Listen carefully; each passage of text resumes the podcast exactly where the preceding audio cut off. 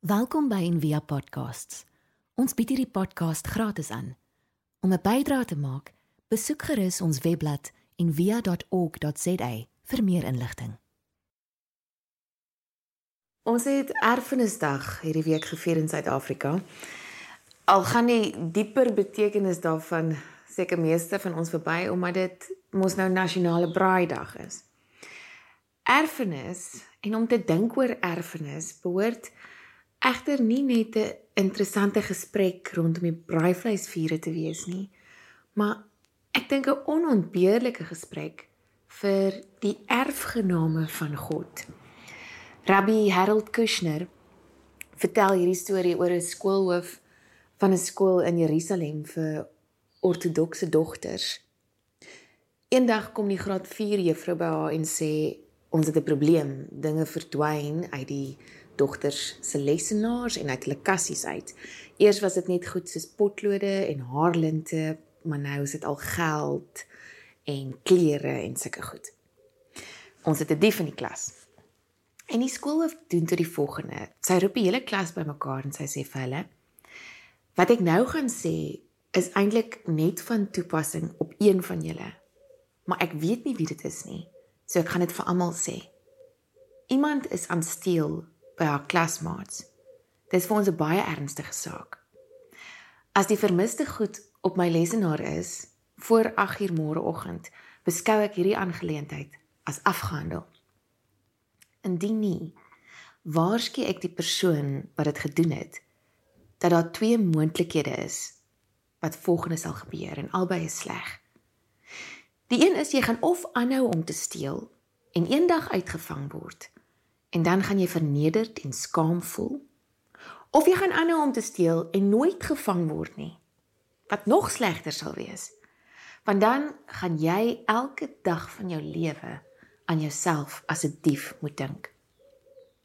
Nou wil ek hê jy moet baie mooi daaroor gaan dink.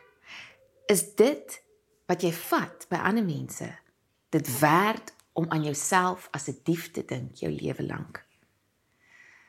Die artikels was op haar lesenaar die volgende dag en die gesteelery het end gekry.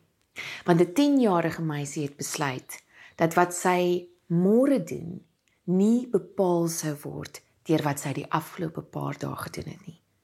Maar deur haar visie um van watter mens sy haarself wou sien wees. En dan sê Harold Kushner, ons leef op twee maniere. Of as gevangene van ons verlede of as argitek van ons toekoms. En dan sê hy verder iets wat my diep laat dink oor my geloofslewe as 'n volger van Christus en die manier hoe dit gestalte vind in my alledaagse besluite. A Christian defines himself as a Christian by what he believes. A Jew defines himself as a Jew by whom he belongs to. Nie altyd nie, maar dikwels. Nie almal nie, maar altyd sommiges, soos PG Du Plessis gesê het. In Galasiërs 4 is daar hierdie hierdie skrif wat aanhou om om om iets met my binnegoed te maak. As Paulus sê en omdat julle kinders is, het God die gees van sy seun in julle harte uitgestuur en hy roep Abba, Vader. Daarom is jy nie meer dienskneg nie, maar kind. En as jy kind is, dan ook erfgenaam van God deur Christus. Maar destyds, toe jy God nie geken het nie, het jy die gedien wat van nature geen gode is nie. Maar nou dat jy God ken, of liewer deur God geken word, Hoe keer julle weer terug tot die eerste beginsels wat julle weer van vooraf aan wil dien? Dis dieselfde wat Harold Kushner sê. Dis nie wat jy ken of weet nie, maar wie jou ken. Dis nie wat jy glo nie, maar wie jy vertrou. Waar jy hoort. Wat eintlik almal van ons trust fund babies maak. Dis dis die hele lot van ons.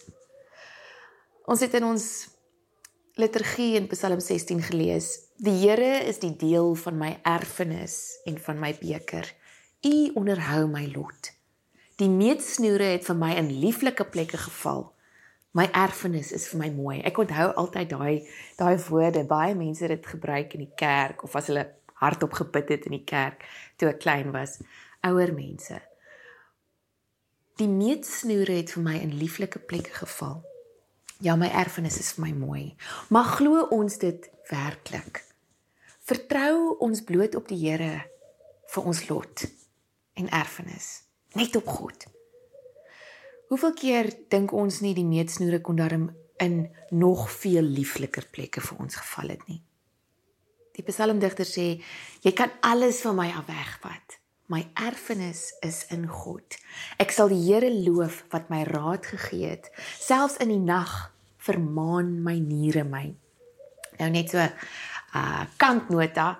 Um niere het het die antieke mense gesien as die orgaan wat verantwoordelik is vir onderskeidingsvermoë om te bid vir wysheid en raad wat nie van buite af kom nie. Um maar wat God binne in ons sit.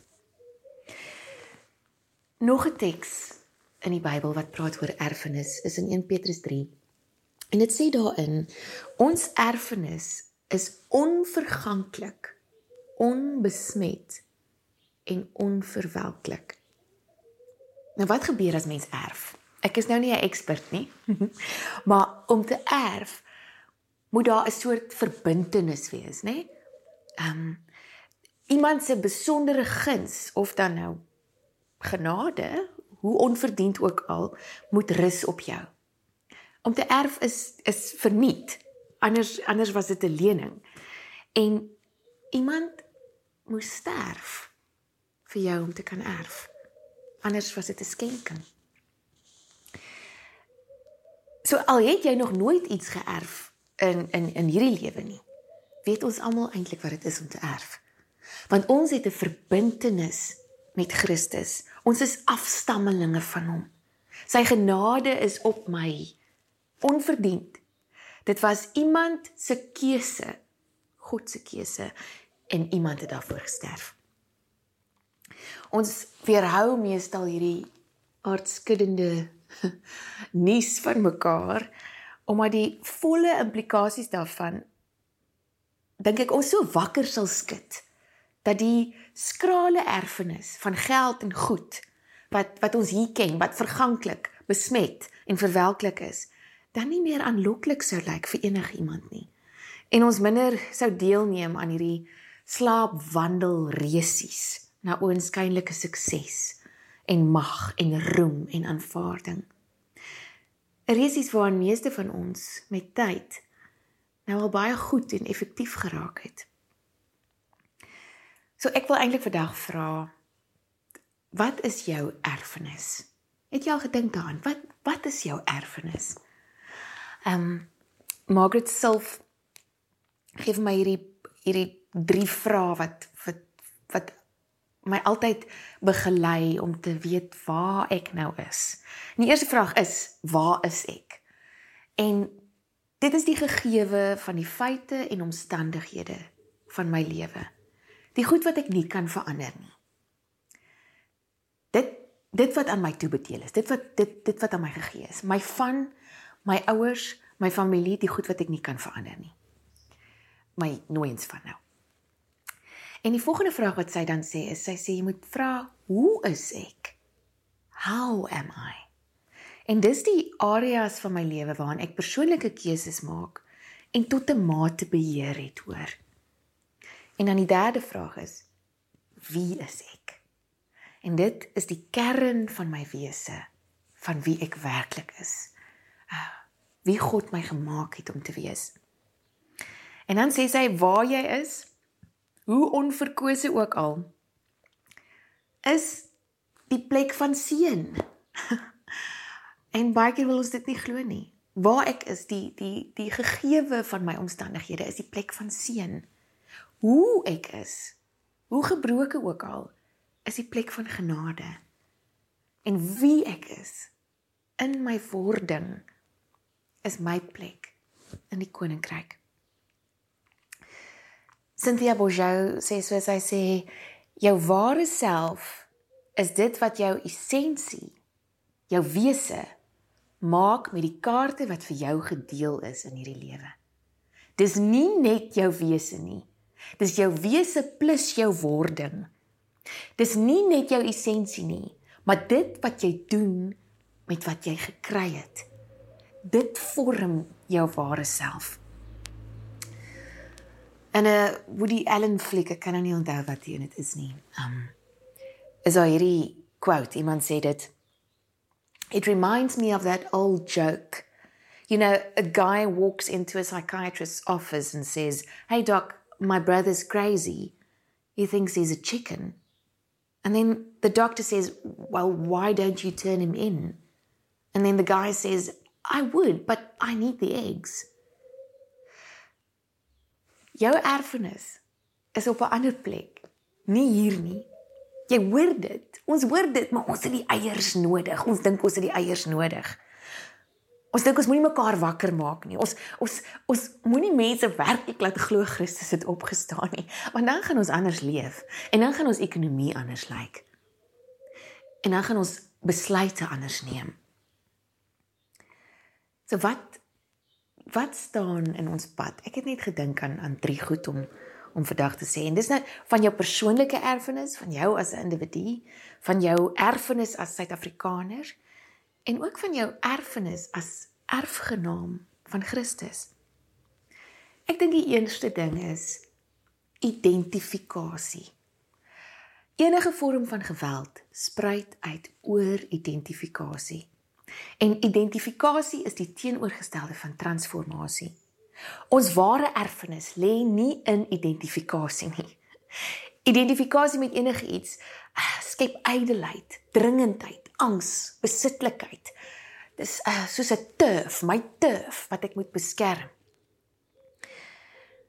As ek my identiteit wat weggesteek is in Christus in iets of iemand anders gaan soek of koppel, gebeur identifikasie.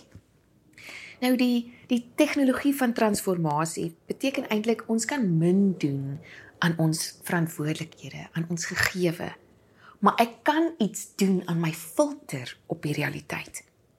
En dis weer Kushner se vermaaning om 'n argitek te wees van jou toekoms, nie 'n gevangene van jou verlede nie. En om nie te identifiseer met iets nie. Beteken nie om dit weg te jaag of ontslae te raak daarvan nie, want dis weer 'n ander vorm van geweld. Jesus praat baie van afstand doen van um, om aandag te skenk aan my eerste liefde sodat ek kan afstand doen en eintlik waarlik kan lief wees vir my ander liefdes. Dis dieselfde met stilte. As ek gaan sit in stilte en ek jaag my gedagtes weg en ek probeer ontslaa raak daarvan. weet ons almal dit werk nie. Dis anders om dit te laat gaan, om my identifikasie met goed te laat gaan. Ek dink die tweede ding wat ons weerhou daarvan om ons ware erfenis te vier en dit te sien is aanspraakmakerigheid of in Engels entitlement, eie geregtigheid. Dit lê nie in aanspraakmakerigheid nie, dit lê in genade. Dat die lewe 'n geskenk en nie 'n gegewe is nie, is maak of breek vir ons lewens. Genade is om te kry wat ons nie verdien nie en barmhartigheid is om nie te kry wat ons verdien nie, het iemand eendag gesê, ek kan nie onthou wie nie. Ons dink baie keer op 'n dag, ek is geregtig daarop om nie in die verkeer vas te sit nie. Ek is geregtig op 'n goeie dag. Ek is geregtig op my kind se gesondheid. En dan kan ek sê die meetsnoere het vir my in lieflike plekke geval. Plato het gesê die mensdom sensuur ongeregtigheid omdat hulle vrees dat hulle sy slagoffer sal wees en nie omdat hulle bang is om ongeregtigheid te pleeg nie. En genade is nie 'n slaapmiddel of 'n kussing nie. Maar as ons werklik aan die ontvangkant daarvan staan, sal ons besef dis 'n dis 'n wekker. Um dis 'n verantwoordelikheid. Die teenoorgestelde van die man waarvan Abraham Lincoln gepraat het, toe hy gesê het, hy laat my dink aan die man wat albei sy ouers vermoor het en toe om versagting pleit omdat hy wees is. Dis nie dit nie. Dis 'n opstaan omdat Christus opgestaan het.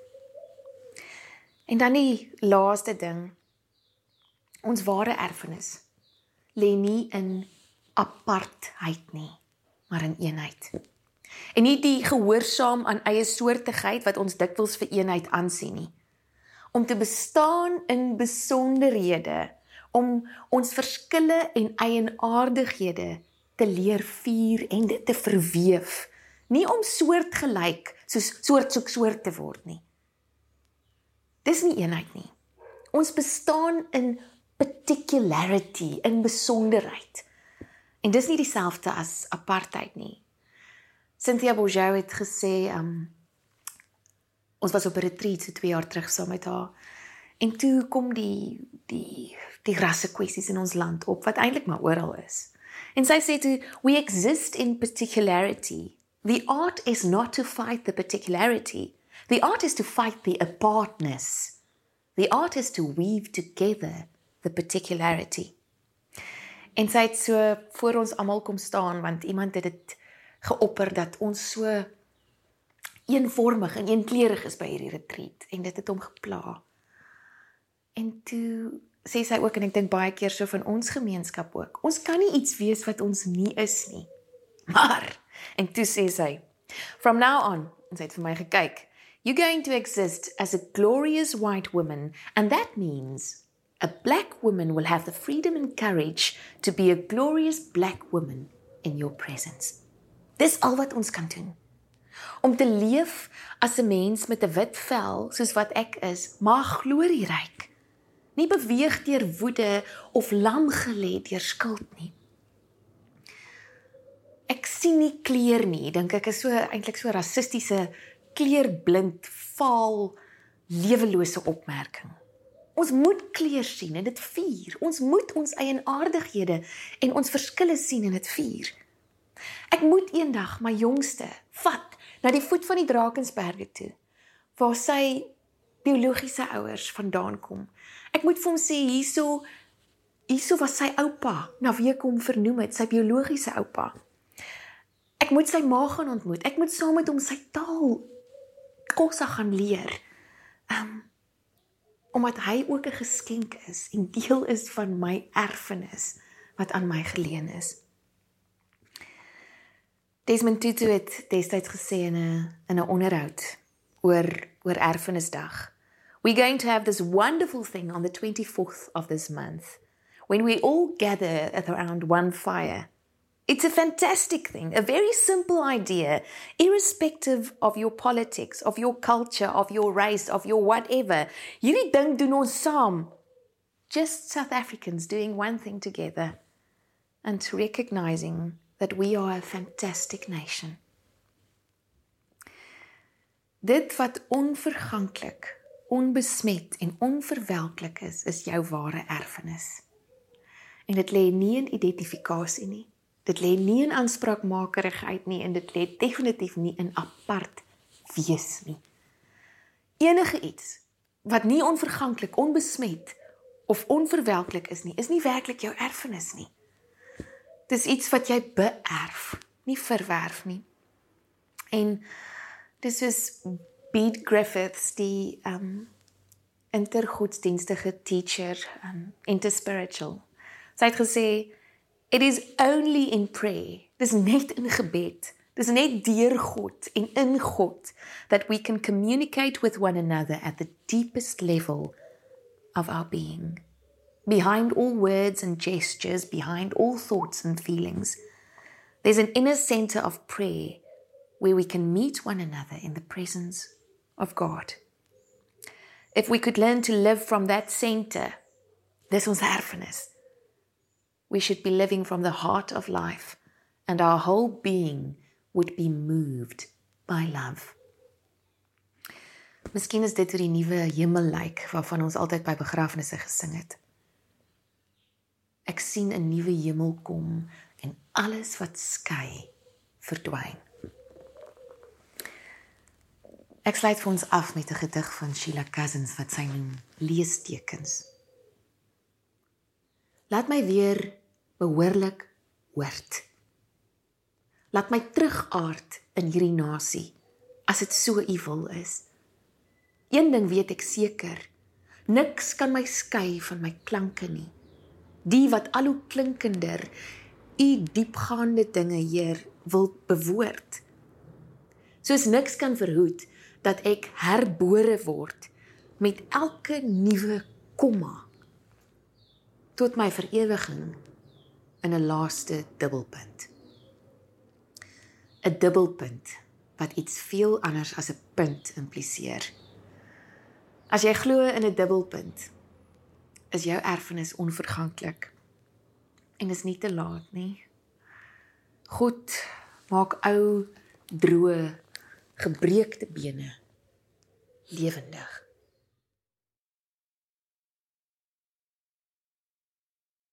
Ons hoop van harte jy het hierdie podcast geniet of raadsaam gevind.